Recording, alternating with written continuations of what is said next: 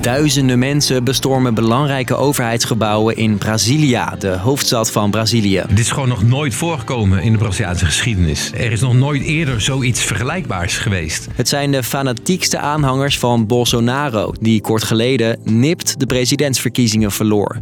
Wat willen deze mensen bereiken en gaat ze dat lukken? Ik ben Steef en ik leg het je uit. Lang verhaal kort. Een podcast van NOS op 3 en 3FM. Afgelopen zondag, Brasilia, het plein van de drie machten. Duizenden aanhangers van oud-president Bolsonaro protesteren. Om het plein heen liggen drie belangrijke overheidsgebouwen. Dranghekken en politie houden de betogers niet tegen. Het protest wordt een bestorming. De in groen-geel geklede betogers dringen de drie overheidsgebouwen binnen. Daar richten ze een paar uur lang flinke schade aan. Ramen sneuvelen, meubels worden vernield, kunst gaat kapot. De politie gebruikt wel traangas, maar verder lijkt het erop dat de betogers relatief makkelijk hun gang kunnen gaan, vertelt onze Brazilië-kenner Mark Bessems. Hij zag al snel een foto van een groepje agenten op de socials rondgaan. Die staan eh, gezellig een glaasje kokoswater te drinken. Maar die foto werd gemaakt door een verslaggever echt tijdens de bestorming. Dus die gasten die gingen gewoon eventjes, nou ja, even pauzeren op een moment dat ze toch echt hadden moeten staan eh, vechten eigenlijk. Dat ze daar hadden iets, iets hadden moeten doen. Uiteindelijk, na een paar uur, zijn de gebouwen ontruimd. Honderden mensen worden opgepakt. De bestorming kwam absoluut niet uit de lucht vallen. De afgelopen weken al was er veel woede te zien bij Brazilianen. Je hoort hier de eerste woorden van de kerstverse president Lula op nieuwjaarsdag.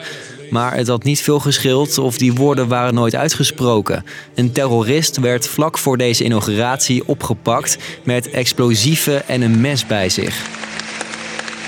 Lang niet iedereen is zo radicaal, maar er zijn wel veel Brazilianen die diehard Bolsonarist zijn. Dat wil zeggen, ze zijn fan van de vaak conservatieve ideeën van Bolsonaro en daarmee ook fel tegen Lula.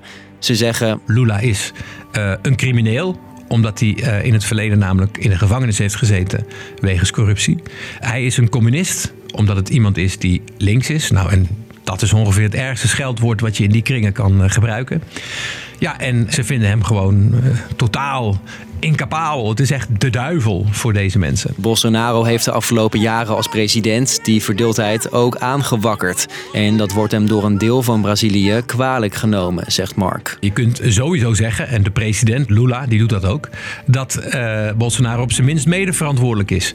Want de afgelopen jaren heeft hij eigenlijk niks anders gedaan dan de polarisatie in Brazilië, de verdeeldheid tussen mensen, op te jagen. Al voor de presidentsverkiezingen zei Bolsonaro: Als ik niet win, dan is er gefraudeerd.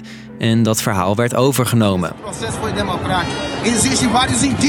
Wij geloven niet dat de verkiezingen democratisch zijn verlopen. Er is gefraudeerd, zegt deze man hier. Dus ja, hij is in ieder geval verantwoordelijk of mede verantwoordelijk voor al die twijfel.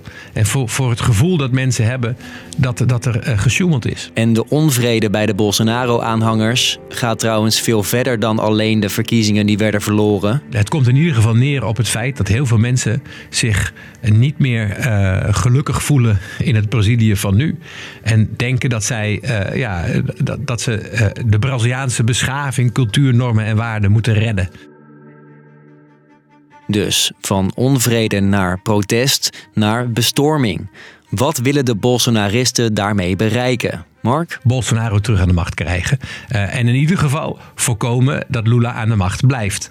Door chaos te creëren. Als er veel chaos is, dan is er een grondwettelijke basis om het leger eh, weer de orde te laten herstellen. En denken zij, het leger dat staat aan onze kant. En ja, die chaos die kwam er wel. Maar het leger deed niet wat ze wilden. Ondertussen deed de aanwezige politie ook niet echt veel tegen de Bolsonaristen. Grote vraag is nu dan ook, zegt Mark, Is dat omdat ze gewoon niet capabel zijn?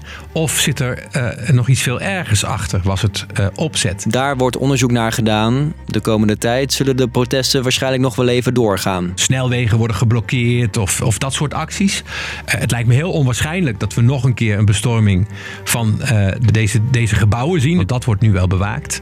Maar ja, het zal onrustig blijven. En zo is het voor Lula, die dus echt pas net president is, een op zijn zachtst gezegd bijzondere binnenkomer. Het wordt heel moeilijk voor hem om de rust en de vrede te bewaren. Anderzijds is het wel zo ja, dat hij nu, uh, meer dan vorige week, ook goede redenen heeft om bijvoorbeeld mensen die heel erg in die radicale Bolsonaro-groep uh, zitten, om, om daar iets tegen te doen. Dus, lang verhaal kort, chaos in Brazilië. Drie overheidsgebouwen zijn bestormd door fanatieke Bolsonaro-aanhangers. Zij willen dat hun president weer aan de macht komt en hebben daar alles voor over. Tot een staatsgreep kwam het tot nu toe niet en zover zal het naar verwachting ook niet komen. Wat wel zeker is, voorlopig blijft het nog onrustig. Dat was hem voor vandaag. Morgen zijn we er weer met een nieuwe lang verhaal kort. Tot dan!